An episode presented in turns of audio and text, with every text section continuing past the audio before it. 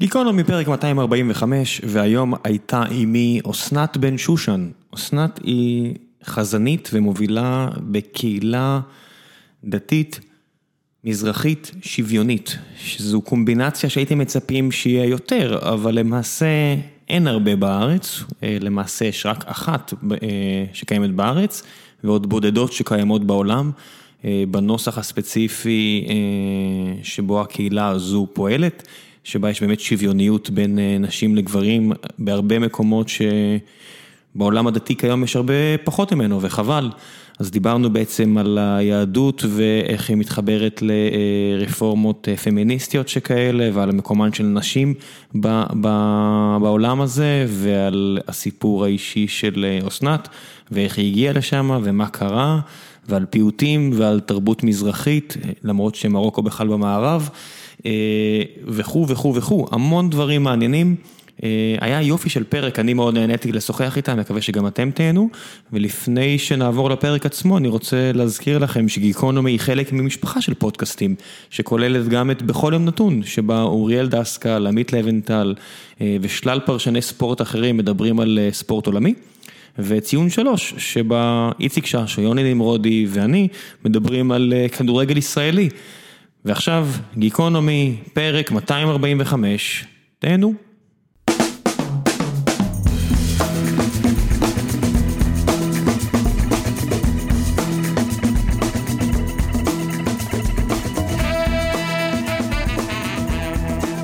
גיקונומי, פרק 255, והבוקר נמצאת איתי אסנת בן שושן. בוקר טוב. מה העניינים? מצוין. את אישה דתייה, זו ההגדרה? כן. את יודעת, אני כל כך מחוץ לעולם הדתי, שכל הסיווגים, העץ הזה של עולם, בכלל דת, גם הנצרות, גם היהדות, גם האסלאם, יש עץ נורא מסיבי של הגדרות נורא מדויקות, אז תכף ניכנס לאיפה בדיוק את, והזמנתי אותך כי מעבר לזה שמעניין אותי לשמוע על דברים שאת עושה, את דוחפת לשינויים בעולם הדת היהודית, מכיוון של שילוב נשים. נכון. וזה משהו שבארץ הוא הולך ונהיה יותר ויותר נדיר נראה לי. לא. לא? ההפך. ספרי לי. כל הנושא של מקום של נשים בתוך העולם היהודי, הוא נושא שקיים ונוכח בשיח ובתרבות ובעולם של... כל הנושא של השילוב של נשים ובכלל המקום של הנשים. בתוך העולם היהודי, הוא תמיד שאלה שנידונה, ויש לה תשובות שונות לאורך הדורות. וזה מאוד, זה תמיד יש יחסי גומלין בין המציאות שבה אנחנו חיים לבין הפרקטיקה שאנחנו רוצים לאמץ כדרך חיים אמונית יהודית. בקהילות שבאירופה ואחר כך בארצות הברית מאוד חזק, אז הליברליזם והשוויוניות זה כבר שאלה שהיא נדונה הרבה זמן בקונטקסט של מה המקום של נשים ביהדות ובתוך העולם הממוסד היהודי. בארץ אני פשוט רואה יותר ויותר שהדברים האלה עולים בצורה מאוד משמעותית, זאת אומרת אני לא לבד בסיפור הזה והייחודיות שלה, או נאמר המורכבות של השאלה שאני עוסקת בה, היא שבעולם הספרדי מזרחי זאת שאלה שעוד לא התמודדו איתה בצורה מאוד עמוקה, היא עכשיו נמצאת בתהליך של עשרים שנה שבעצם מתחילים עכשיו לחשוב מה בדיוק אנחנו רוצים ואיך אנחנו רוצים להביא את השינוי, איזה שינוי אנחנו רוצים להביא, האם בכלל, ואני ממש לא לבד. ירושלים זה מקום אולי קצת בועתי בעניין הזה. אז רגע, לפני שנרד לירושלים, אני שומע את העניין הרבה על כך שאשכנזים כביכול יותר מתקדמים מהבחינה הזו של שילוב נשים בדת מאשר מזרחיים או ספרדים, ואני לא מבין משהו. כל הקהילות הכי קיצוניות שאני שומע עליהן, הן ליטאיות וכל מיני כתות כאלה מאוד חזקות, הן תמיד אשכנזים, לא? תראה, השאלה היא תמיד לאן אתה, איפה, מה שומעים. אז כשיש לך אנשים שמדברים חזק, אתה נוטה להקשיב להם, ואתה, ויש גם נטייה לחשוב שהם הכל והם הרוב, אבל הם לא. בעצם הרוב הם בכלל לא קיצוניים, הם לא, הם לא קצה והם לא, הם, הם גם לא מדברים כל כך חזק. ולכן לפעמים יש נטייה ללכת אחרי הקולות הצורמניים האלה אפילו, כי הם נורא controversial־ים, כי נורא כיף להתווכח איתם, כי הם מאוד חזקים, כי הם... אבל בעולם עצמו, בעולם הפרקטיקה היהודית, הקולות האלה הם דווקא הרבה פחות אה, קיימים ונוכחים, הם, הם בקצה. זאת אומרת, כל מה שאני שומע בתקשורת, שבטח רוצה את הרייטינג ורוצה את התככים והמזימות וה controversy, אז אני רואה למשל בית שמש ויישובים כמו אלעד, או לא יודע מה, או ביתר עילית, שאני שומע על, על נשים שמודרות לגמרי, ו, ולא רק מהדת, אלא בכלל מהחיים הציבוריים. זה לא מייצג? זה מייצג בהחלט את הפלח הזה של האוכלוסייה ושל, ה, ושל הדרך הזו. גם הם נוקטים באמצעים, אני אגיד אולי מילה קצת קשה, אבל אני אגיד אותה. הם נוקטים באמצעים של טרור, של הפחדות, של ביזוי, של שיסוי, של קרע. ולכן זה אמצעים מאוד יעילים, בוא נאמר ככה, כדי לשים את עצמך על המפה וכדי אה, כדי בעצם לעורר איזושהי יראה ופחד מפניהם. איך אנחנו הרי תמיד נמצאים קצת עמומים מול אנשים שמפעילים איזושהי אלימות מאוד גדולה כלפי הדבר הזה, וזה מה שהם עושים. ולכן אנחנו תחת הרושם שזה זה, הדבר הכי, הכי חזק, הכי נפוץ. זה לא. ניסו להפחיד אותך? לא, אותי לא מכירים, זה טוב. מה זה לא מכירים? את חזנית בקהילה שלך. נכון. אה, את חברה בכמה קבוצות, לפחות יותר מאחת, שמתעסקת בנושאים האלה. אה, זה לא שאת נסתרת לכלים ולומדת אה, דברי תורה או קבלה באיזושהי קבוצה סגורה ומסתורית. אז קודם כל אני צעירה בתחום, אני בסך הכל שש שנים בתוך העולם הזה של אה, חזנות, שליחות ציבור, תפילה ובכלל חברה בקבוצות שמעורבות בהתחדשות היהודית הזו. ולכן אין לי בכלל קילומטראז', וגם אני לא מור... שש שנים זה לא מספיק כדי אה, לצבור אה, את העין הציבורית המפחידה? לא, וגם המקומות שאני נמצאת בהם הם מקומות שהם אה, בדיוק ההפך, מדברים מאוד בשקט, מאוד ברכות, גם לא כל כך מדברים, הרבה יותר עושים. ו... ואני לא מחפשת את הזרקור או את הדבר הזה, כי חשוב לי קודם כל לבסס את העשייה ו... ולהיות עם אנשים שהם, ואנשים שמסביבי והמקומות שאני מעורבת בהם, הם אנשים שמצאתי ו... ודברים שהם בסופו של דבר עוטפים אותי ואנחנו עוטפים את עצמנו ב... ומאוד מגנים על עצמנו. כי אנחנו לא, אין לנו עניין להיכנס עכשיו למחלוקות, זה לא כל כך חשוב לנו להוכיח את צדקתנו ואת עמדתנו. אנחנו נמצאים בעמדה שאנחנו מזמינים אנשים להיכנס, אם זה מתאים להם. איך עושים את זה? קודם כל, מוצאים קבוצה של אנשים, לא להיות לבד. אני לא לבד. אני בתוך קהילה, וכשאני שליחת ציבור, אז אני שליחה של ציבור. שכמה הוא מונה?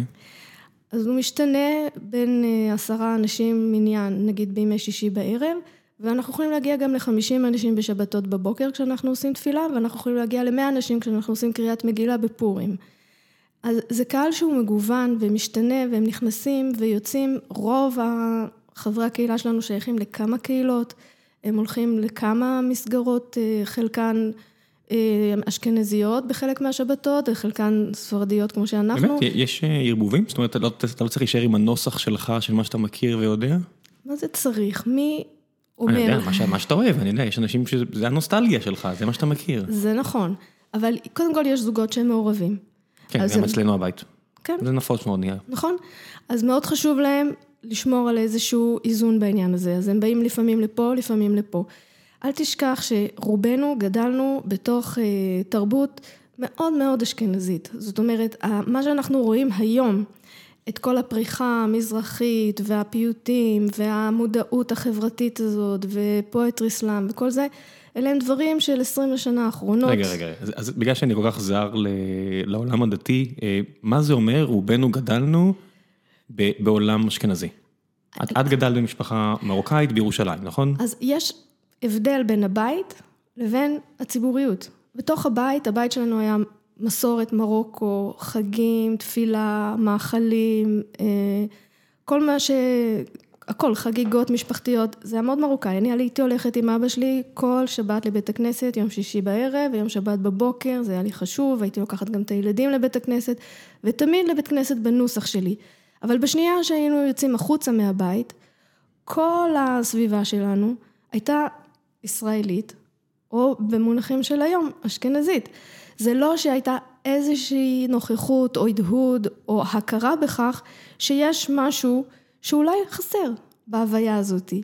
ולכן גדלנו בתוך בתי ספר שלימדו שם תפילה אשכנזית, ולמדנו את חכמי אשכנז, ולמדנו את ההלכה כפי שהיא נלמדת על ידי חכמי אשכנז. עכשיו זה בסדר, אני מכירה ומוקירה ו- ומעריכה את, ה- את, המס- את הדבר הזה, הוא, הוא, הוא חלק ממני, הוא חלק חשוב ואני לא מתנגדת לו, אני לא פוסלת אותו, אני רק אומרת, הוא לא בלעדי.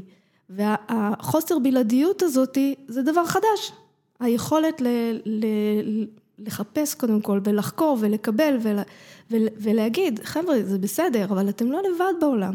מה קרה לפני 20 שנה שהתחילה אה, בעצם פריחה או התעוררות של תרבות מזרחית דתית, לא דתית? אני חושבת שזה קשור לדור שני ושלישי של, ה... עולים. של העולים, כן. זאת אומרת, אם, אם הדור הראשון שהגיעו מ, ב, ב, ב, בשנות החמישים והשישים חוו בעצם חוויה מאוד מאוד קשה של הסתגלות, אה, אפשר לומר גם דיכוי, שלחו אותם לכל מיני מקומות פריפריאליים ולא זכו לחינוך וכלכלה כמו... אז הדור השני עוד ככה בשיניים ובציפורניים נאבק על הקיום שלו, אבל הדור השלישי כבר מחפש דרכים, אה, זה, הוא גם, הוא גם חלקם יצאו מתוך הפריפריה הזאת, ופתאום הם ראו שברגע שהם מצליחים להתבסס כלכלית, אז פתאום העולם נפתח, והם יכלו מתוך העמדה הזאת גם כן, להביא חזרה את הדברים שהם גדלו בתוכם, מתוך תחושה של גאווה, ולא מתוך תחושה של אני המסכן, אני האומלל, אף אחד לא יודע מי אני ומה אני, לא, דווקא מתוך... יש אנשים ספציפיים שאת יכולה להצביע עליהם שהובילו בעצם את העניין הזה, שזה היה ספורדי ומהרבה מקורות, מהרבה, נבע מהרבה קהילות? זה בטוח שיש אנשים שמובילים, אני הם, לא היסטוריונית ואני לא רוצה לחטוא לאמת, אבל אה, אבא שלי למשל הוא אחד האנשים שתמיד היה מעורב חברתית, אז זה היה במסגרת אה, תנועת עודד. וביחד איתו חברים... איזה תנועה? תנועת עודד. זו תנועה שבעצם אמ, הוקמה גם עם בן גוריון, שראה שבצרפת מגיעים כל עולי צפון אפריקה, ווואלה, הם מצליחים, והם משתלבים באקדמיה, והם משתלבים במקומות עבודה, ובכלכלה, ובפוליטיקה. והוא אמר, אוקיי, בוא נביא את החבר'ה האלה שעשו תואר ראשון, או שסיימו בגרות ברמה גבוהה, נביא אותם לארץ, צרפתית, כן. דוברי צרפתית, נביא אותם לארץ, והם יהיו המובילים של, ה, אה, של החבר'ה שלהם פה בארץ. מעין גשר בין החבר'ה שהגיעו ממש מצפון אפריקה, ואולי רחוקים יותר מהתרבות שניסו להנחיל פה של אשכנז, לחבר'ה שדוברים צרפתית ויכולים לעשות את החיבור הזה, לא רק דוברי צרפתית, אלא גם יותר קשר לאירופה וצרפת? לא, מעין קטר. מעין קטר שיבוא, זאת אומרת הוא אמר אני מממן לכם תואר ראשון, תואר שני, אתם מקבלים מלגה מהמדינה, בתמורה אתם הולכים לפריפריה ומביאים לשם את ההשכלה. ואז הם עשו מערך אדיר של אה, שיעורים פרטיים ולימדו מתמטיקה ואנגלית ו- ו- ועברית והיסטוריה בפריפריה וזה היה מדהים כמה שאחוזי הבגרות פתאום צמחו ועלו, וכל ההסללה הזאת שהיה ברור שמרוקאים או לא יודעת מה, טוניסאים או מה שזה לא יהיה, יכולים לעשות אה, רק עבודות אה, במפעל ולהצמיד ברגים לזה. לא שיש משהו רע בזה? לא שיש משהו רע בזה, יש רע אם אין לך בחירה. כן, אם, אם יש הסללה רק למשהו ספציפי. כן, אם, אם זה מה שאתה חושב שאתה טוב בו וזה מספק אותך, מצוין. אבל אם מלכתחילה אומרים לך, זה כל מה שאתה טוב אליו, זה לא טוב. אז רגע, אז אני סוגר סוגריים, זה תנועת עודד, אבא שלך אה, פעיל שם, ומשהו קורה לפני 20 שנה, 15 שנה, לא יודע כמה, ומתחילה התעוררות תרבותית אה, צפון אפריקאית נכון. מזרחית, גם תימנים אני מניח. אז תראה, יש כל כך הרבה דמויות. אני יכולה להגיד לך על האנשים שאני מכירה מקרוב. אם זה קהילות שרות, שזה יוסי אוחנה, שכבר אז אמר, אוקיי, בוא, בוא נחזיר את העניין הזה של הפיוטים, ונעשה מזה איזשהו תהליך תרבותי המשמעותי ועמוק. אז רגע, את רצה. פיוטים, כן. תניחי שאני יודע שיש לנו אה, מאזינים אה, דתיים, הם, הם תמיד מעלים את הדרישה ליותר ויותר אורחים דתיים, כי הם רוצים גם לשמוע על העולם שלהם, אבל יש לנו הרבה מאזינים שלא, שזר להם לגמרי. העניין הזה של פיוט הוא חלק נורא גדול מהדת, נכון? כן. ועד בעצם להתעוררות אה, התרבותית שאת מדברת עליה, התפילות היו מה, בנוסח אשכנזי? לא, בתוך בית הכנסת. המרחב הזה זה מרחב שהוא נשמר מאוד מאוד מסורתי, ממש כל קהילה עם המסורת שלה. אבל הוא לא פרץ את גבולות בית הכנסת, הוא לא פרץ את גבולות השמחה המשפחתית, הוא לא היה נוכח בחיים הציבוריים הכלליים. לא הייתה, תשאל, למשל, אדם כמו רבי מאיר עטיה, שנפטר לא מזמן, כשהוא פתאום קלט, היה לו איזה מין ראייה כזאתי, שהעולם הזה של הפיוטים, של השירה, של שירת הבקשות, שהוא איזה שריד אחרון של הדבר הזה, שהוא מחזיק הידע, ועוד הוא לא מחזיק את כל הידע. הוא אמר, אני חייב להציל את מה שאני יכול. והוא התחיל להסתובב בכל הארץ, ולהקליט אנשים, וללמוד פיוטים, וללמד אנשים, ויצר תלמידים, תלמידים, תלמידים, קבוצות, קבוצות, קבוצות, ולימד אותם את כל הדבר הזה. עכשיו... זה תורה שבעל פה? זה דברים שכתובים? חלקם, תראה, הפיוטים עצמם, יש לך את ספר הבקשות, זה כתוב. המנגינות עצמן זה תורה שבעל פה, ומה שהוא עשה, אחד הדברים שהוא עשה, למשל רבי מאיר עטיה, היה בעצם לכתוב את המוזיקה של הדברים האלה, גם בתווים וגם בכל מיני דרכים אחרות. זאת אומרת, היה לו השכלה מוזיקלית, מן הסתם. אה, אני מניחה שכן, אני לא מכירה אותו באופן אישי, אבל הוא אחת הדמויות שהשפיע באופן עצום על כל העולם הזה של התרבות והיציאה וה, החוצה אל המרחב הציבורי באמצעות הפיוטים. ויוסי אוחנה עם קהילות שרות בעצם, מה שהוא עשה זה להקים קבוצות של אנשים, חלקם מתוך המקום הזה שמכירים יותר בתור בית הכנסת, אבל חלקם לא קשורים בכלל. ויש לך שם אנשים מכל הגילאים, מכל השכבות, מכל המסורות, אשכנזים ולא אשכנזים, מרוקאים ו- וספרדים וסורים ו... שבאים לשיר בצורה הזו. שבאים ללמוד מה זה פיוטים, איך שרים, ואז יש לך בעצם איזה מין חיבור מאוד מאוד אה, רגשי זה, זה מאוד שונה ממה שהאשכנזים עושים בתפילות שלהם? זה מוזיקה אחרת. לא, מבחינה טכנית, מבחינה, מכל בחינה מוזיקלית, זה, זה מאוד שונה? כן. תראה, המוזיקה האשכנזית, שהיא אירופאית, אמריקאית, היא מאוד מלודית, ויש לה את הקו המוזיקלי שלה, וכבודה במקומה מונח, והיא מאוד יפה, והיא מאוד עשירה, והתפתחה בצורה מדהימה לאורך כל הדורות. המוזיקה המזרחית היא כל כך מגוונת, זאת אומרת אין מוזיקה מזרחית אחת. יש לך צפון אפריקה שזה, בתוך צפון אפריקה יש לך מסורות. יש לך את עיראק שזה מסורות אחרות. יש לך... עכשיו, איראן וטורקיה ו... איראן ו... וטורקיה ותימן, וכל אחד מהם זה, זה, זה לא ניואנסים, זה תורת מוזיקלית אחרת. אבל היא עדיין תחת הגשר הזה של פיוטים ספרדים מזרחים, זאת אומרת יש קשר ביניהם שלא מופיע אצל תרבות אשכנז, או שזה לגמרי שונה גם בפנים? אז יש דברים משותפים, נגיד יש פיוטים שהתקבלו ממש על כל הקהילות ושרים אותם ולא אצל האשכנזים, כי שם הם התפתחו בצורה קצת אחרת, ויש דברים שהם ייחודיים לכל קהילה. ספר הבקשות של מרוקו, ששרים אותו בחורף עד אה, פסח, יש שם פיוטים שמשותפים גם לספר הבקשות של עיראק לצורך העניין, או של סוריה, אבל יש המון, יש שם מאות פיוטים שלא מופיעים בשום מקום אחר. ויש לזה רקע היסטורי, זאת אומרת אפשר, הדברים האלה רצים מה, מאות שנים? אה, אלפי שנים. זאת אומרת, כמו שאני רואה למשל אה, אבן גבירול וכל מיני כאלה שדת ברי סחר וראם מוכיח מחדשים מילים שהן כבר קיימות אלף שנה, ובאותו סגנון, אמור להיות בסגנון נורא דומה, אז גם פה זה דברים שבתיאוריה רצים כל כך הרבה שנים? שנים, שנים, שנים, שנים, זה פשוט מדהים. איזה רצף היסטורי יש לדבר הזה. זה, זה עתיק כמעט כמו התפילות. עכשיו, לאורך השנים התווספו להם. בנקודה מסוימת בהיסטוריה, כבר פחדו שזה הולך ככה ו, ונעלם, אז הם העלו את הכל על הכתב. כשאת מדברת על הנקודה הזו, זה מגיעים לארץ ישראל? לא, ה... עוד לפני, עוד לפני, נגיד עוד במרוקו, לפני? כן. למה פחדו שזה נעלם? אמ, פחות אנשים התעניינו בזה, וגם נהיה קורפוס עצום וגדול, ו... רגע, רגע, מה זה אומר פחות אנשים התעניינו? נגיד, במאה ה-19, אוקיי? במאה ה-19-20, אבל עוד לפני כן, עוד לפני כן. זה, זה, הקהילות גדלות, נגיד יצאו מהגטאות, התחילו להתערות ב... כן, בכל העולם זה אותו... בכל העולם, נכון? כן. אז הדבר הזה כבר, הוא, אם לפני כן זה היה ברור שהילד גדל בתוך החדר ולומד את הדברים האלה והולך כל שבת עם אבא שלו לתפילה ולומד את הפיוטים, אז ברור שתמיד הייתה קבוצה שידעה יותר, שהתמחתה יותר, שזה יותר עניין אותה והם היו המוזיקאים והפייטנים, אבל זה פחות היה, פחות או יותר היה נחלה משותפת לכולם. יש כל מיני תהליכים. עכשיו, אני מאוד זהירה במה שאני אומרת, כי אני לא מומחית בדבר הזה. לפי מה שאת מכירה, הרזולוציה יורדת לרמת המדינה, או שגם בתוך מרוקו, זאת אומרת, לא יודע מה, קזבלנקה, פז, לא יודע מה זה, כל, כל דבר משתנה, או שזה גם, שאומרים אה, פיוטים מרוקאים, זה דבר, זה אחיד, זה מקשה אחת? אמ, יש לך את האזור מהמרכז וצפונה, שזה פחות או יותר מקשה אחת. זאת אומרת, עד הרי האטלס, כל האזור שמצפון מרוקו ועד אה, למטה מרקש, פחות או יותר זה מקשה אחת, הם היו קהילות שקשורות אחת אה, לשנייה, הם היו, כאילו אנשים היו עוברים בין הקהילות. בערי האטלס כבר היו קהילות מבודדות, בתוך כפרים מבודדים.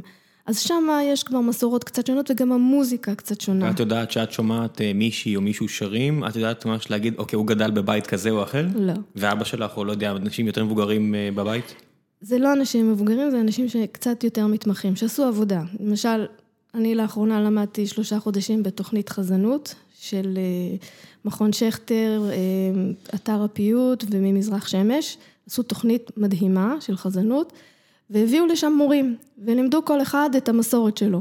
אז היה מסורת ספרד ירושלים שלימד רוני ישרן, והיה מסורת אשכנז שלימד אורי קרויזר ועוד כמה. רגע, רגע, מה זה מסורת אה, ספרד ירושלים? ספרד ירושלים זה מקסימום 50 או לא יודע מה, אנשים, אני מכיר, 80 שנה. אנחנו מדברים פה על דברים שרצים מאות שנים, אלפי שנים אחורה. נכון, אבל נגיד... לא אלפי, נגיד, את יודעת. זה התקבל השם לדבר הזה, וזה שם כולל למסורת שהיא משותפת לעיראק ולסוריה. אבל אמרת ירושלים, לא אמרת עיראק וסוריה, זאת אומרת... נכון, כי בירושלים המסורת הזאת היא בעצם, אה, לא יודעת, זה השם שנתנו לה, אל תסבך אותי. בסדר, זה התפקיד שלי פה לסבך. אה, אנשים, לא יודע, אנשים בבאר שבע זה נוסח אחר מהנוסח הירושלמי? לא. אוקיי. יש, ספרד ירושלים זה הנוסח שנקרא, חלקו בבלי, חלקו עיראקי, ולפעמים אנשים שמדייקים לא יקראו לזה באמת ספרד ירושלים. הרעיון הוא שהמוזיקה הסורית והעיראקית והמצרית היא מוזיקה שהולכת על סולמות של... אה, רבעי טונים? רבעי טונים, מוזיקה יותר אה, ערבית. מוזיקה של צפון אפריקה זה מוזיקה קצת שונה, היא הולכת על חצאי טונים, היא יותר דומה דווקא במבנה הזה לאירופאים. לאירופאים, אבל הסלסולים שלה הם בעצם סלסולים שהם לא אירופאים. ואז היא בעצם איזושהי התפתחות אחרת. איזה כלים מלווים כל סגנון?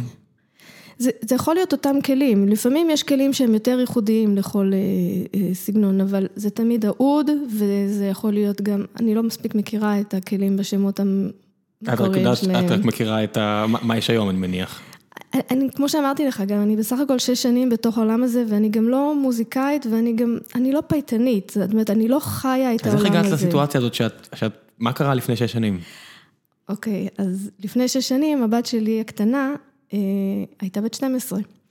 ואבא שלי שאל, את רוצה שאני אלמד אותה טעמי המקרא? אני אלמד אותה לקרוא בתורה? והבת הגדולה שלי, שגדולה ממנה בארבע שנים, בזמנו לא הסכימה, ולא התעקשתי איתה. אה, אל עצמה היא לא הסכימה. כן. אז הבת הקטנה שלי, אמרתי, הפעם אני שולחת אותה. אני פחות שואלת, אני יותר מנחה. ושלחתי אותה ללמוד טעמים מאבא שלי. זאת הייתה דרמה מאוד גדולה, היא לא, היא לא נהנתה מזה יותר מדי.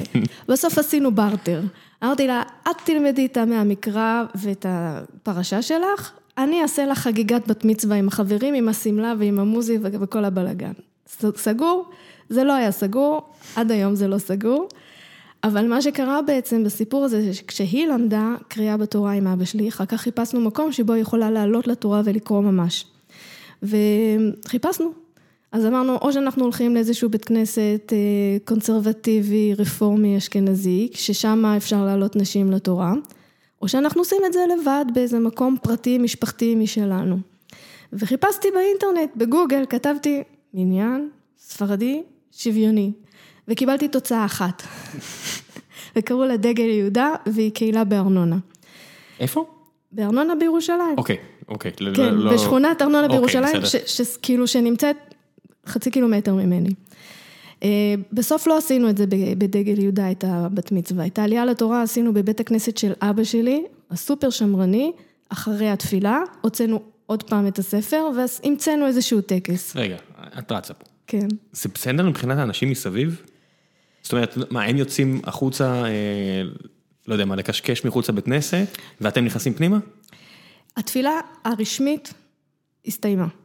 בסדר, אנשים, אמרתי, אנשים יוצאים החוצה. אז אנשים, אמרנו לאנשים, תראו, אנחנו הולכים לחגוג עכשיו בת מצווה, אתם מוזמנים להישאר, אנחנו נשמח שתישארו, אבל עכשיו מגיעים כל החברים והמשפחה שבאים לחגוג איתנו, ונכנסים ל... עושים עלייה לתורה. נכנסים גם לבית כנסת של הגברים, זאת אומרת, אין, אין עזרת נשים עכשיו, יושבים כמשפחות משפחות בתוך בית הכנסת. עכשיו, בגלל שעשינו את זה אחרי התפילה ולא באמת הפרענו למישהו, זאת אומרת, האנשים קיבלו את ה... כן. כן. זה, זה, זה, זה, זה, זה טריוויאלי מבחינתך? ממש לא. כאילו, אני לא אספר לך את הדרמות שהתחוללו כמה שנים אחר כך, אבל זה בעצם היה... למה? אני פותח פה סוגריים, אבל בסדר, כן. בוא נחזור לסיפור. למה? אוקיי. אולי. דרמות, בסדר, בוא נחזור. דרמות, אז, דרמות, כן. בסדר. אבל בנקודה הזאת בעצם, כשהבת שלי עלתה על הבמה והוצאנו ספר תורה, והיא עומדת באמצע ומצד שמאל אבא שלי ומצד ימין אבא שלה, שעומדים לידה, והיא קוראת את כל הפרשה ואחר כך את כל ההפטרה, בלי אף טעות, בביטחון. ואני יושבת על הבמה, תבין, אני אפילו לא עמדתי לידה, אני כאילו עוד הייתי לגמרי לוויין של כל הסיפור הזה. אבל, אבל כבר לא למעלה, כבר למטה. בתוך הבמה, על כן. הזה, יושבת ליד. פעם ראשונה? פעם ראשונה, לגמרי. אה, ובאותו רגע אמרתי לעצמי, אוקיי, יש פה, זה אפילו לא אמרתי לעצמי, מפה והלאה בעצם הנשמה שלי מחפשת. היא מחפשת איפה אני יכולה עכשיו להביא, להמשיך את, ה, את מה שקרה פה, בבת מצווה של הבת שלי. זה לקח לי עוד כמה חודשים, אבל אז... מה את מחפשת בתקופה הזו? זה לא חיפוש אקטיבי. זאת אומרת, אני עוד ממשיכה ללכת... אי נחת. כן, אני עוד ממשיכה ללכת לבית הכנסת עם אבא שלי בכל שישי ושבת, ו... אבל לעזרת נשים. לעזרת נשים, ברור. אבל יש אי נחת, כמו שאתה אומר. יש את, לא לזה... עושה, את לא עושה צרות בינתיים. אני עוד לא עושה צרות. אמ. ואז, באחד הדברים המעניינים, עוד לפני שהגעתי לדגל יהודה, שלחתי מייל, רציתי לחגוג אצלם ורציתי לראות אם זה אפשרות. ואז אמרו לי, תראי, את מוזמנת בשמחה, רק אין לנו מקום, אנחנו מתפללים בבית. אז היה קצת לא מתאים להביא הרבה אנשים לבית של מישהו שאתה לא מכיר, שזה לא כזה נוח. אבל אמרתי להם, אוקיי, מה, מה זה אומר שאתם שוויוניים? אז הם אמרו לי, נשים קוראות בתורה, מברכות ונספרות למניין. עכשיו, באותו רגע, לפני שש שנים, זה כל כך זר לי, התחוש... בכלל התפיסה הזאת שאפשר לספור נשים למניין, זה נשמע לי מאוד מאוד רפורמי, קונסרבטיבי, נגוע ורחוק ממני. ואני ממשיכה לדבר עם חברה שלי, חפצי, היום היא חברה שלי, כאילו, חברתי כאחות לי, והיא מספרת לי כל מיני דברים, והשיחה מסתיימת. ותבין כאילו עד כמה אני עוד קצרת רואי בדברים האלה. ואני הולכת לאבא שלי ככה בפנים כאלה נפולות, אני אומרת לו, מצאתי איזו קהילה ספרדית שוויונית, אבל אני חושבת שזה לא מתאים כי הם סופרים נשים למניין. ואז הוא מסתכל עליי ואומר לי, ברור, ככה זה צריך להיות. וזה הרגע שבו אני מבינה שאני צריכה לפתוח את הראש לגמרי, לגמרי, לגמרי, לשנות את כל התפיסה. זה משהו שהוא מאוד מהותי הרי. כן. החיפוש אחרי מניין, את יודעת, כן. בוא יהודי, בוא תשלים למניין, למרות שאתה מוקף בנשים, מצטער, אתה חייב, אתה החילוני הזר, אני מעדיף אותך על פני נשים שמאמינות ומכירות ויודעות, אתה עדיף עליהן. זה לא עדיף, אתה מקובל, אתה נספר. אתה עדיף, בואי, למה לברוח? אני מעדיף שאתה תבוא מאשר להביא נשים מסביבי. זה אפילו לא עניין של העדפה, בראש שלהם. זה האפשרות היחידה. זה האפשרות היחידה. עכשיו, בדבר הזה שאבא שלי אומר לי, נו, ככה זה צריך להיות, אז הוא רואה רחוק כבר, הוא כבר עשה את המהלכים בראש שלו הרבה הרבה לפניי. ומפה אני יוצאת לדרך, זאת נקודת המוצא שלי. אז לפני שאת ממשיכה, יש איזשהו איסור על נשים בבניין? מאיפה זה נובע? זה, זה איסור אה, הלכתי? זה איסור שכתוב איפשהו? זה משהו שנולד עם התרבות אה, והמשיך? אני, אני מצטער, אני בבורותי פה, אני באמת לא יודע. אני לא אוכל לעזור לך הרבה. כן, יש ספרות חז"ל די ברורה בעניין, מי יכול להיספר למניין, חירש, שוטה וקטן למשל, לא יכולים, ואישה, לא יכולים להיספר למניין. ואישה. זאת אומרת, חירש זה ואישה. חירש, שוטה, קטן ואישה לא יכולים להיספר למניין. למה? הרי כל דבר שכתוב בחז"ל, בסופו של דבר אמור להיות אה, מבוסס על, לא יודע מה, אם זה התורה, ומעל זה התורה, אז הפרשנות הראשונה שנחתמה, ומעל זה הפרשנות השנייה, דעת משנה, גמרא, לא יודע מה, וכו' וכו', על מה זה מבוסס בסופו של דבר? אני לא יודעת להגיד לך. זה פשוט משהו ש... כן, לא, לא, יש, יש. לא, אני בטוח שיש מישהו שידע להסביר לי. יש, יש, יש. אני... לא, אבל, אבל את מייצגת מבחינתי את הרוב שפשוט מקבל משהו, או קיבל, לפחות את כבר לא, אבל קיבל פשוט ולא שאל. זה נכון, במשך הרבה מאוד זמן קיבלנו את העמדה הזאת ולא שאלנו עליה שאלות, מכל מיני סיבות. וגם היום דרך אגב, השאלות שלנו הן לא על העמדה של חז"ל כל כך, יותר על העמדה שלנו בעולם הזה, ואיך אנחנו עכשיו יכולים להתמודד עם השאלות שנובעות. איך זה עובד? זאת אומרת, חז"ל, חז"ל זה לא דברי תורה, זה, זה, זה עדיין, זה בני אדם, אבל הם נורא חכמים ומקבלים אותם. זה דברי תורה. מה הכוונה? לא יכולה להתקיים תורה בלי דברי חז"ל. אוקיי, אז איך את מסבירה, אבל את הולכת נגדם. אני לא הולכת נגדם. אחד הדברים ש, שצריך להבין שההלכה, בוא נאמר ככה, מה השורש שלה? ה' ל' כ', הולכת. כל הזמן. והיא כל הזמן נמצאת באינטראקציה וב... ובמשא ומתן עם החיים. לא יכולה להתקיים הלכה במנותק מהחיים, כי ההלכה מטרתה היא להורות דרך חיים. איך אתה חי כיהודי מאמין בעולם הזה, לא בעולם הבא, לא בגן עדן, לא במרוקו, פה, כאן ועכשיו. לא לפני אלפיים שנה בבבל. לא לפני אלפיים שנה בבבל, כאן ועכשיו. עכשיו, חז"ל שעשו עבודה מדהימה בפרשנות, בניסוח של הקורפוס הזה, של המצוות, של החוקים, של הלוגיקה, שבה איך אתה בעצם מורה דרך, איך אתה מורה הלכה, זה עבודה עצומה שהם עשו. אבל הם לא עשו את זה בשנתיים, וגם לא בעשרים שנה. לא, כל, הרי אם אני לא טועה, מה, תלמוד זה תקופה של כמה עשרות שנים, או לא יודע, מאה שנה של עבודה שנחתמה, ואז... מאות שנים. הגמרא גם. וגם אחרי הגמרא. היו המון, המון, כן, המון. אלף שנה לאחר מכן זה הרמב"ם, ובין לבין מן הסתם הרבה אנשים חכמים. המון, ו... וגם אחרי הרמב"ם עוד היו מנסחי הלכה, ואנשים שהוסיפו, ושו"תים, ושאלות שעלו. שו"ת? שאלות 아, ותשובות. שאלות שאלות ותשובות. כשאתה הולך לפוסק ואתה שואל אותו שאלה, איך אני צריך לנהוג? אז הוא כותב לך תשובה מנומקת. הוא הולך וחוקר ובודק מה כתוב בתורה ומה כתוב במשנה ומה כתוב בגמרא, מה אמרו החכמים שלפניו, כל מה שהוא יכול, הוא פותח, מצטט, בודק, ונותן לך תשובה מנומקת. ויכול להיות שהוא מוסיף עוד סנטימטר למעלה, והסנטימטר מצטרף לקורפוס. למה הוא, מצ... למה הוא מוסיף עוד סנטימטר? כי הוא תמיד מתייחס למי שואל אותו ולמה הוא שואל לא, אותו. לא, וגם יכול להיות שאת שואלת משהו שמן הסתם לא הופיע בתלמוד. אם את שואלת נכון. משהו שקשור לרכב או לחשמל, אז מן הסתם אין הסבר בתלמוד וצריך להוסיף עוד משהו. בדיוק, אבל זה תמיד צריך להיות כפוף לאיזושהי חוקיות לוגית מאוד מאוד פנימית ועמוקה, של איך בודקים ומנסחים הלכה ואיך מחדשים. איך אתה בעצם נותן תשובות עדכניות לשאלות עדכניות. אז לאורך הדורות תמיד, תמיד היו גדולי דור שידעו לעשות את זה בצורה מדהימה. כשאתה רואה למשל שאלות ותשובות שו"ת של הרב מסס ממרוקו בתחילת המאה, עכשיו אתה רואה שהוא מתמודד עם שאלות שהתמודדו איתם גם באירופה, כל הנושא של המודרניזציה והליברליזציה ונשים יוצאות לעבודה והן יוצאות לעבודה ועכשיו הן צריכות להתלבש כמו שנשים צריכות להתלבש כשהן הולכות לעבודה. כן, נפגשות עם גברים זרים וכו' הן. נפגשות עם גברים זרים, הן כבר לא רוצות לשים מטפחות ראש, הן לא רוצות לשים כיסוי ראש, הן לא, רוצות להשתלב. עכשיו עומדת בפניו השאלה, בסדר או לא בסדר? בא אליו מישהו ואומר, תקשיב, אני לא מוכן שאשתי תצא לעבודה ככה, אני דורש שהיא תשים כיסוי ראש. מה, זה המסורת שלנו, ככה אבא שלי ואימא שלי נהגו, והסבא שלהם, היא פורצת גבולות. ומסתכל הרב מסס על המצב הזה, והוא אומר, אוקיי, עכשיו אני נמצא בצומת, שאם אני לא אראה את הדבר בקוליות שלו, אני מאבד אנשים. אם אני עכשיו כופה על האישה לשים כיסוי ראש, יכול להיות שאני מאבד, או יותר נכון זה לא בעלה, אלא המשפחה של בעלה, באו כנגדם ואמרו להם מה זה האישה ככה. והוא מסתכל ואומר, אם אני עכשיו כופה עליהם לעשות דבר כזה, כמו לשים כיסוי ראש או לא לצאת לעבודה, הם קמים. מרחיק אותם מהדת. כן, יש. את, יש את הסכנה של ממש לצאת מהדת. מהקהילה. מהקהילה. מהקהילה. ו- ו- וזה הבדל משמעותי. כי הראייה הזאת, ההסתכלות הזאת על הפרט כחלק מקהילה שלמה, כאיבר מאיבריו של הגוף הזה, היא בעצם קו מנחה שהוא מוביל להסתכלות שונה ואחר כך גם לפסיקה שהיא מאוד מיוחדת בעניין הזה, בהיבט הזה.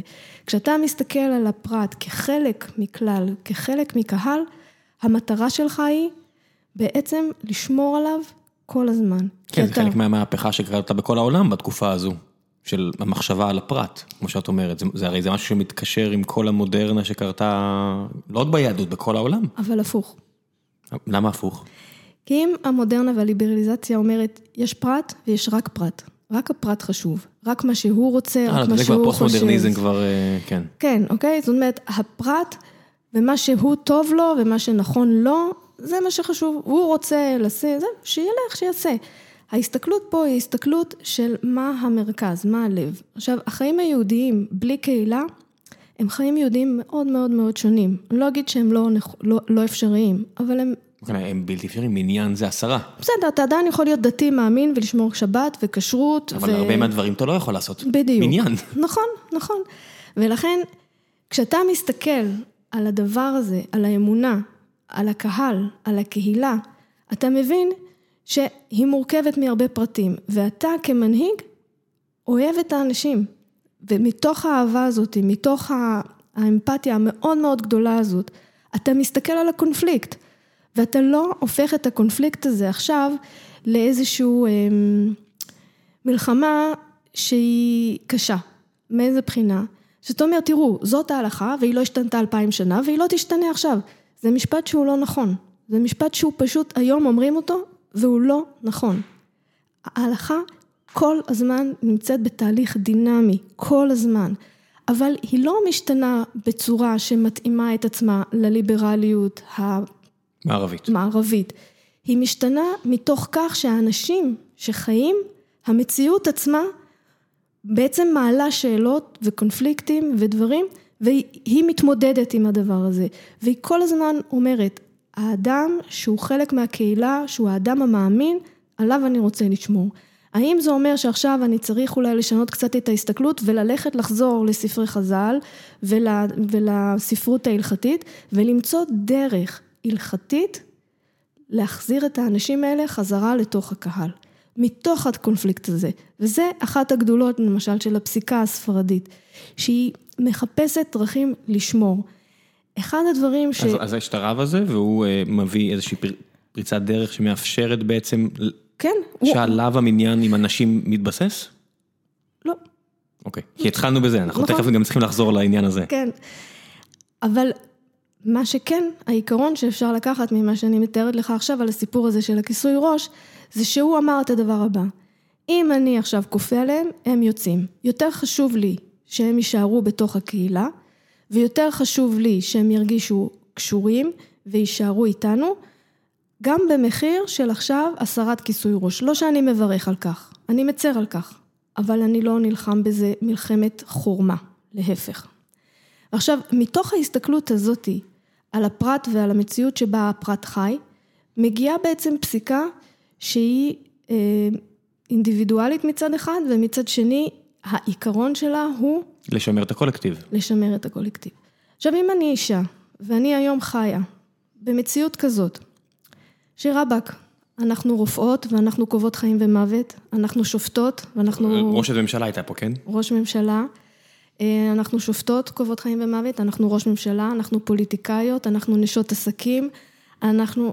אין דבר היום בעולם שעומד סגור בפנינו. יותר קשה לנו, בהרבה מובנים. יש לנו הרבה מחסומים לעבור, בסדר. אבל כעיקרון, כאידיאל, הכל פתוח בפנינו, כאידיאל. בפרקטיקה יש עוד מה לעבוד. המון. סבבה.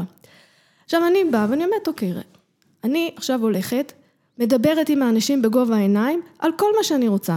אני מתייעצת עם הקולגות שלי הרופאים כדי לקבוע דיאגנוזה וניתוח. אני מתייעצת עם העורכי דין והשופטים כדי לקבוע פסק דין. אני מתייעצת עם חברי הכנסת והשרים כדי לקבוע מדיניות בתוך המדינה. אבל אני מגיעה לבית הכנסת, ועכשיו אומרים לי, אה, לפה את לא באמת שייכת. פה את עכשיו תישארי מאחורי הווילון, מוסתרת, ואת לא חלק מההתרחשות שקורית פה בתוך החלל הזה. וזה חורה לי. אני לא חושבת שהיום אני יכולה לקחת חלק בדבר הזה בצורה, בלב שלם. אני היום רוצה להיות חלק משמעותי מהמקום הזה שנקרא תפילה וחיים רוחניים יהודיים. אם עד היום המקום שהוקצה לנו היה מקום מאוד מאוד נשי, ואני לא באה בתרעומת נגד זה, באמת במשך אלפי שנים זה היה המקום שלנו וזאת הייתה המציאות. לא יכולנו להתנהל אחרת. ילדנו ילדים בלי סוף, היינו מתות בגיל צעיר, היינו כל היום מבשלות במטבח, מנקות את הבית, מקפלות כביסה. מה כבר יכולנו לעשות בתוך המהומה הזאת? זה מאוד קשה. ויש דמויות שעשו, יש נשים, אבל הן היו בודדות והן לא הובילו שינוי ומהפך. אבל היום אנחנו חייבות להישאר במקום הזה של רק לטפל בבית ורק ילדים, מי שבוחרת לעשות ככה, אני מכבדת, זה מצוין, זה בסדר, זה מעולה. כל עוד זה בחירה. כל עוד זה בחירה. אבל אם אני רוצה להיות גם עקרת בית וגם חזנית, אני לא יכולה. אני לא יודע, את, את, את מתברר שכן, נו מה. בדיוק זאת השאלה שעומדת לפתחנו היום, אוקיי? זאת אומרת, היום אנחנו אותו בן אדם שיבוא ויגיד לי, את לא שייכת למרחב של... למרח, למרחב הדתי הזה. למרחב הדתי הזה של בית הכנסת, כשהוא יבוא ל, ל, לבית המשפט שלי, לחדר שלי, שבו אני משמשת כשופטת, הוא כפוף אליי, ואין לו בעיה עם זה. הוא מקבל לחלוטין את העובדה...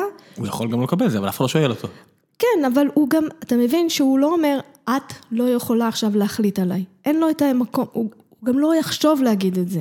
לא, יש אנשים שכן, הם, הם מיעוט מאוד קטן בארץ, אבל יש אנשים שאומרים, אנחנו לא מקבלים את בית הדין הזה והזה, אני יודע מה, אבל הם מיעוט בטל בשישים. אבל הם לא, לא מקבלים את בית הדין בגלל שאישה מכהנת בו כשופטת. נכון.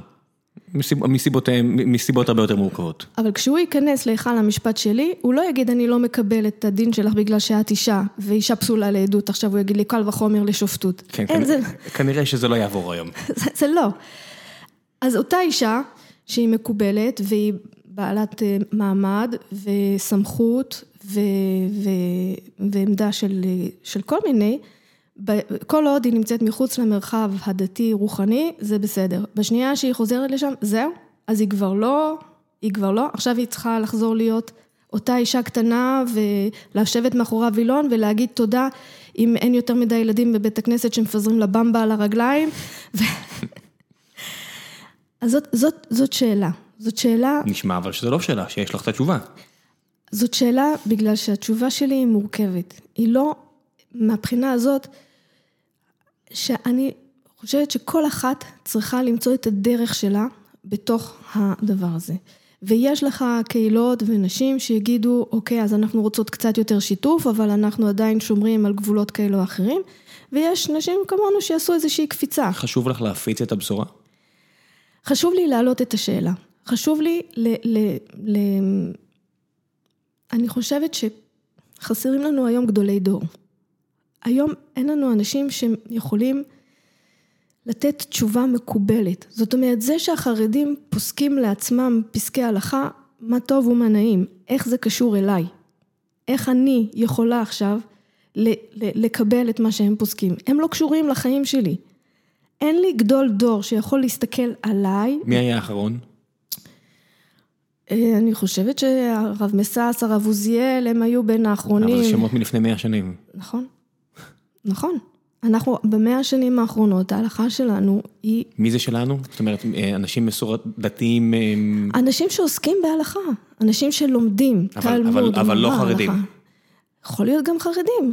דרך אגב. מה, אני לא מבין, הרב עובדיה יוסף, שנחשב לגדול דור, שנחשב לפוסק, שנחשב לכל, הוא לא ברשימה הזו, בקנונית שאת ציינת? הרי הוא גם, הוא גם מזרחי, הוא גם ספרדי. קודם כל, גם הרב עובדיה יוסף, יש לו... זיכרונו לברכה. זיכרונו לברכה, ואני מעריכה אותו, ואני חושבת שהדברים שהוא עשה, יש להם ערך אדיר בעולם הספרדי, יהודי, מסורתי. הוא ממש שם את, ה, את האדם המזרחי ב... במדרגה חדשה. רגע, אני לא מדבר על הפוליטיקה, אני מדבר אפילו מבחינה הלכתית. מבחינה הלכתית. העבודה שהוא עשה, להעמיד בעצם את ההלכה הספרדית אה, על בעצם עמוד, כאילו להחזיר אותה לאיזשהו מקום של חשיבות ומרכזיות ו, ולא להתבייש בה, היא אדירה, היא אדירה. הוא גם היה אדם שזאת הייתה האג'נדה שלו. להביא את החשיבה ואת הפסיקה הספרדית למרכז הבמה.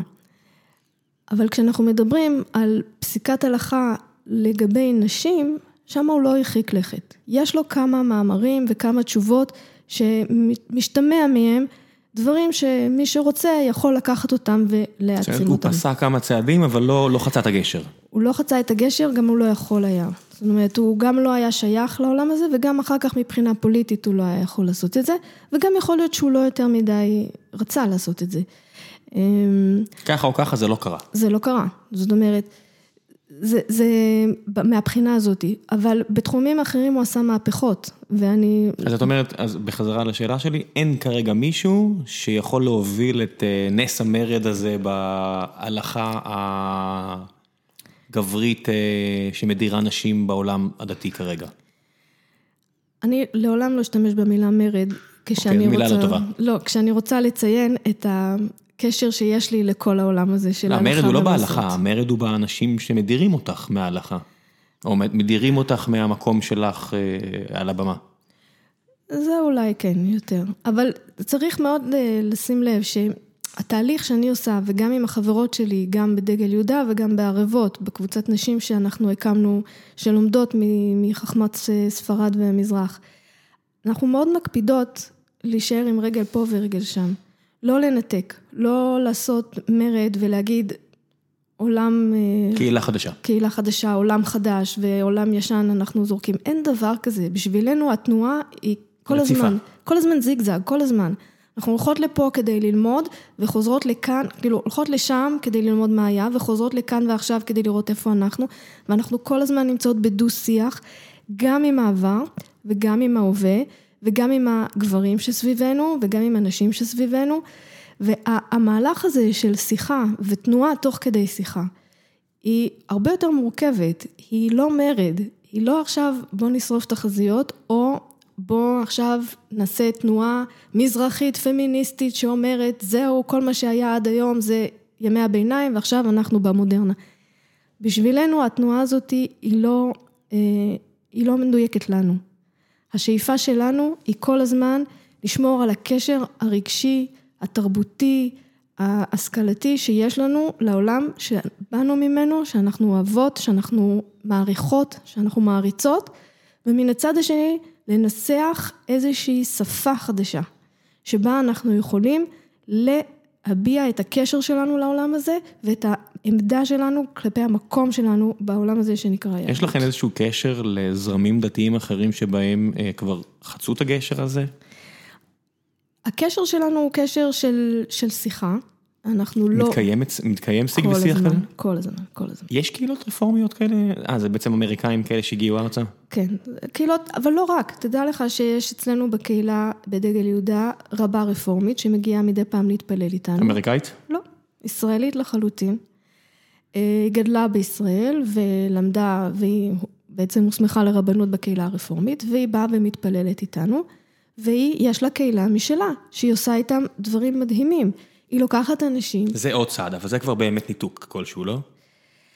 זה הכל עניין של נקודת מבט. אני מסתכל מהזווית כן. שלך. אני לא, אני לא מסתכלת על זה כניתוק. בשבילי, העולם היהודי הוא איזה מין סקאלה כזה, איזה מין רצף גדול. ואנשים נמצאים במקומות שונים על הרצף הזה, אבל בשבילי הם שייכים לאותו עולם, לאותו רצף. אז זה שהבחירות שלה לא דומות לשלי, לא הופך את הבחירות שלה למנותקות משלי.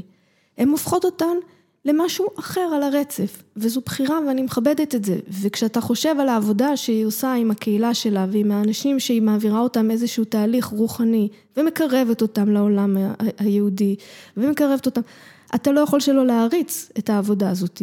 והיא עובדת עם אנשים שבלי זה, לא היה להם את הקשר הזה.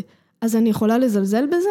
אני, להפך, אני יכולה רק להעריץ את ה... את צריכה אה, בעלי ברית באולפנות ובמדרשות השונות כדי אה, בכל זאת לנטוע שורשים לתרבות, בעצם להתקדמות כזו? לא להתקדמות, לשינוי כזה, בסדר? לשינוי. או שאת יכולה לעשות את זה בלי הממסד. הממסד הוא, הוא שלב קצת יותר מאוחר בהתפתחות שלנו כקבוצת השפעה, בואו נקרא לזה ככה. בשלב הזה אנחנו מחפשים כן אנשים שיעודדו ויתמכו אה, גם כלכלית וגם רעיונית בדברים שאנחנו עושים, ויש לנו בני ברית. יש לנו את ממזרח שמש, שבעצם משם ערבות, הקבוצה של אנשים שאני חברה בה יצאה זה- רגע, במקום. מה זה הערבות הבנתי? מה זה ממזרח שמש? ממזרח שמש זה ארגון חברתי ששם לעצמו מטרה בעצם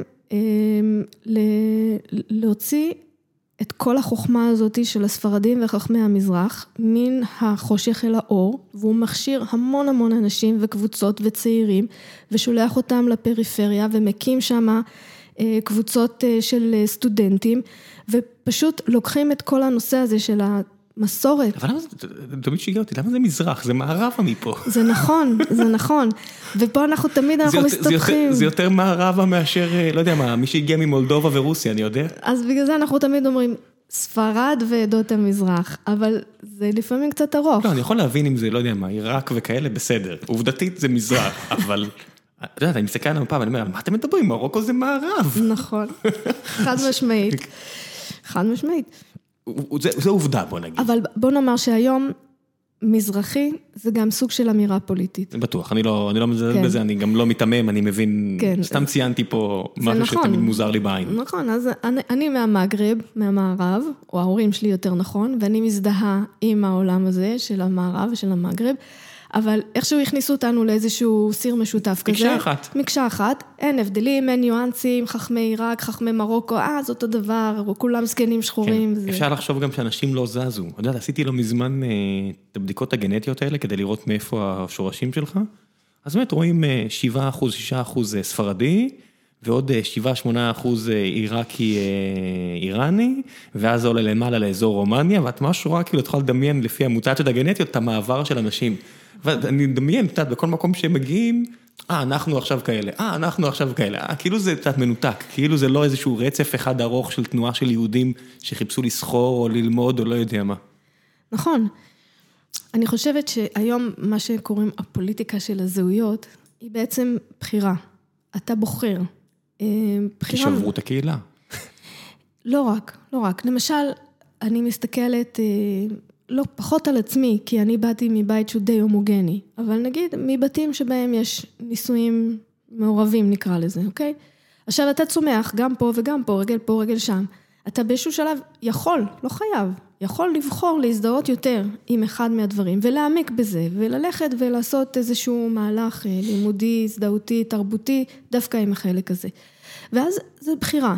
עכשיו כשאנחנו אומרים, אני מזרחית, אני בוחרת לזהות את עצמי דווקא, קצת ב- לנחם, כאילו לקחת מחדש, לקחת בעלות על המונח הזה ולהגיד כן, אני באמת אולי לא מערבית אירופאית, אני מזרחית. אז לא חשוב שההורים שלי באו מהמגרב. זה חשוב כשאני רוצה עכשיו ללמוד למשל נוסח, ואני צריכה לבחור את הנוסח שאני רוצה להתפלל בו. אני צריכה לבחור את הנוסח שאני רוצה ללמוד.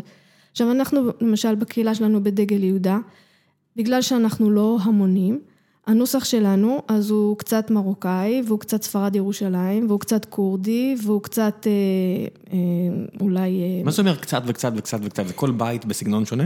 זה לא כל בית, זה קודם כל תלוי מי מוביל את התפילה ואיזה נוסח הוא יודע. אז זאת אומרת, כשאת אה, מתפללת, כשאת מחזנת, ככה נקרא הפועל? אוקיי, אז כשאת מחזנת, אה, זה בנוסח מסוים, אבל יכול להיות חברה שלך שהיא אה, כורדית, אז היא עושה את זה בנוסח, בנוסח אחר? נכון? הבנתי, אוקיי. אז זה לא שאת קופצת בין סגנונות.